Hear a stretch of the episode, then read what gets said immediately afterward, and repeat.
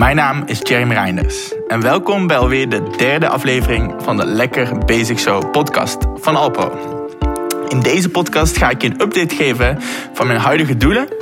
Um, zal ik een aantal vragen beantwoorden die ik ontvangen heb via Instagram, zoals of ik mijn macro's en calorieën bijhoud, hoe je je voeding verspreidt over de dag voor optimale prestaties en hoe je nou eigenlijk optimaal herstelt van het vele trainen.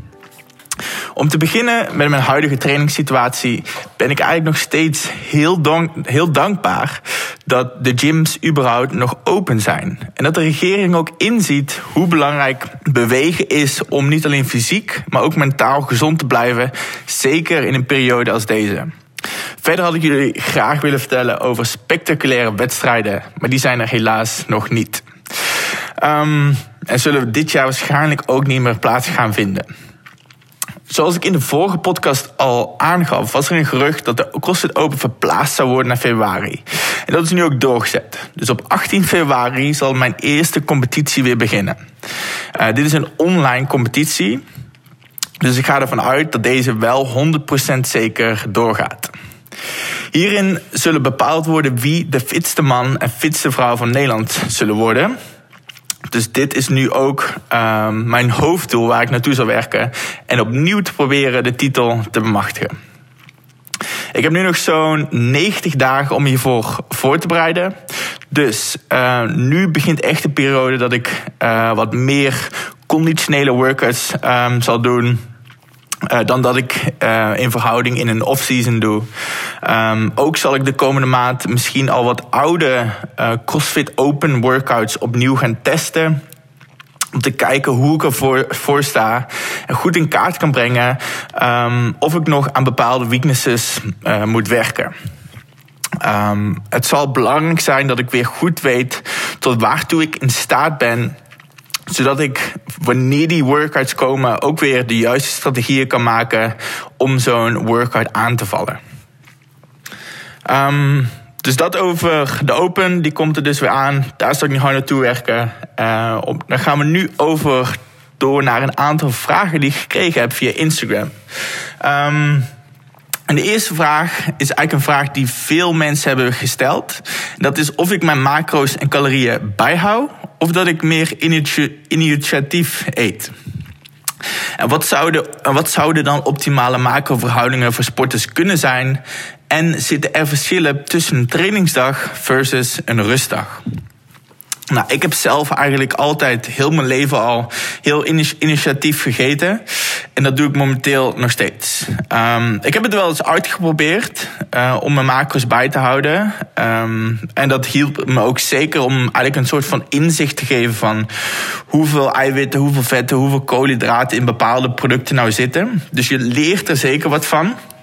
Maar momenteel hou ik eigenlijk um, mijn lichaamsgewicht gewoon dagelijks bij. En probeer ik me vooral te focussen op hetgeen wat ik eet. En probeer ik niet echt meer te kijken naar voeding alsof het alleen maar nummers zijn.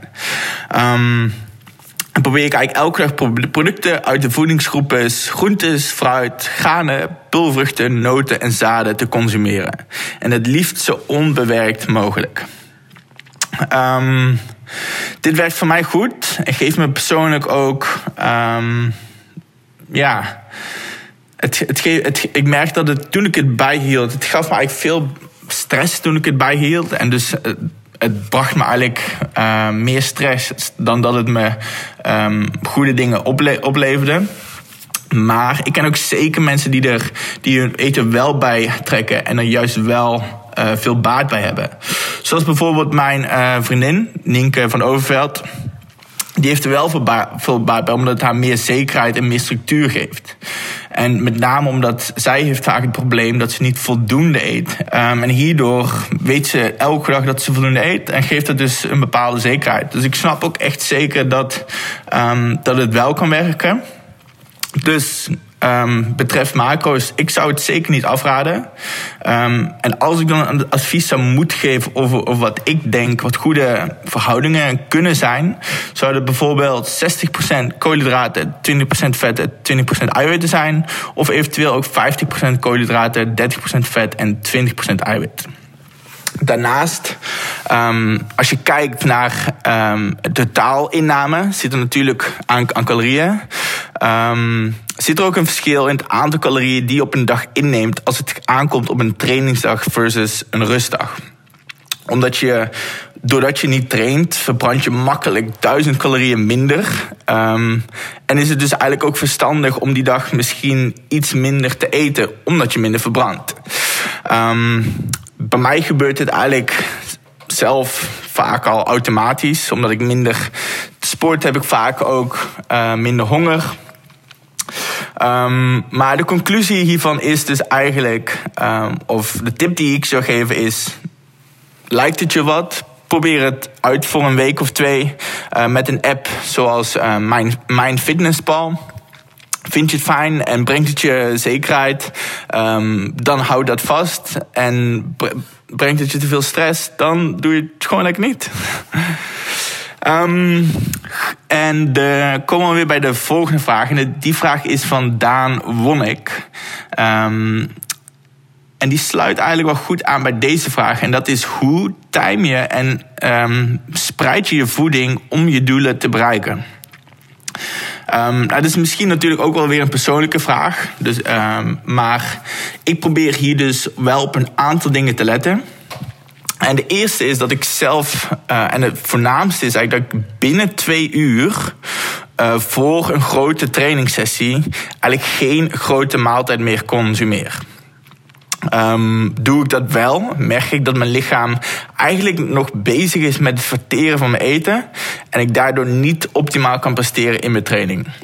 Maar een kleine snack zoals een banaan, reep of een shake, die makkelijk te verteren zijn, kunnen vaak wel nog redelijk kort van tevoren of zelfs tussen de trainen door uh, geconsumeerd worden.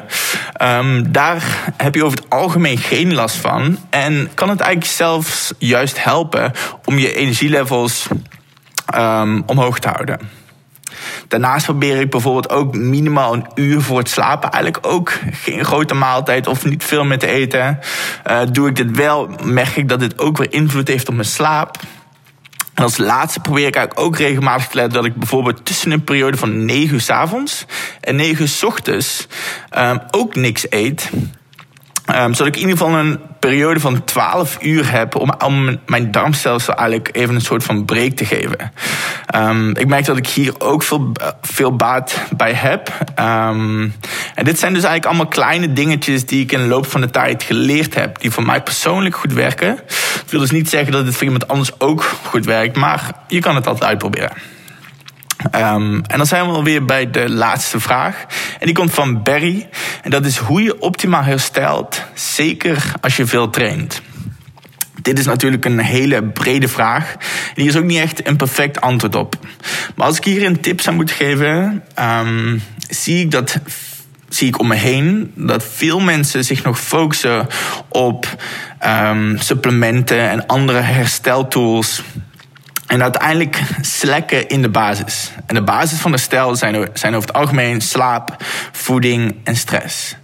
Als je ervoor zorgt dat je elke dag minimaal 8 à 9 uur um, van slaapt, um, goede kwaliteit van slapen hebt, gevarieerd en voldoende eet. En probeert slim om te gaan met je stressfactoren. Door af en toe ook even een momentje voor jezelf te plannen, heb je echt al meer dan 90% van je herstel gecoverd. Veel mensen zeggen vaak dat ze dit wel goed doen, maar um, in de praktijk kan dit altijd beter. Verder merk ik ook echt een significant verschil in mijn herstel als ik blijf bewegen als ik een hele dag stil blijf zitten op mijn rustdag, ben ik de volgende dag vaak minder hersteld en heb ik meer spierpijn dan wanneer ik op mijn rugdag nog uh, een wandeling of een fietstocht maak of een even een extra half uurtje stretch. Um, dus beweging speelt ook een hele belangrijke rol in het stimuleren van de bloedsomloop, bloedsomloop zodat afvalstoffen afgevoerd kunnen worden. Zo, dit was alweer uh, de derde aflevering van deze vierdelige podcastserie. Ik hoop dat je iets van opgestoken, opgestoken hebt. En mocht je je vraag niet beantwoord hebben, stuur me dan alsnog een DM. Ehm, ik zou zeggen veel succes met jouw doelen en tot de volgende podcast. Cheers.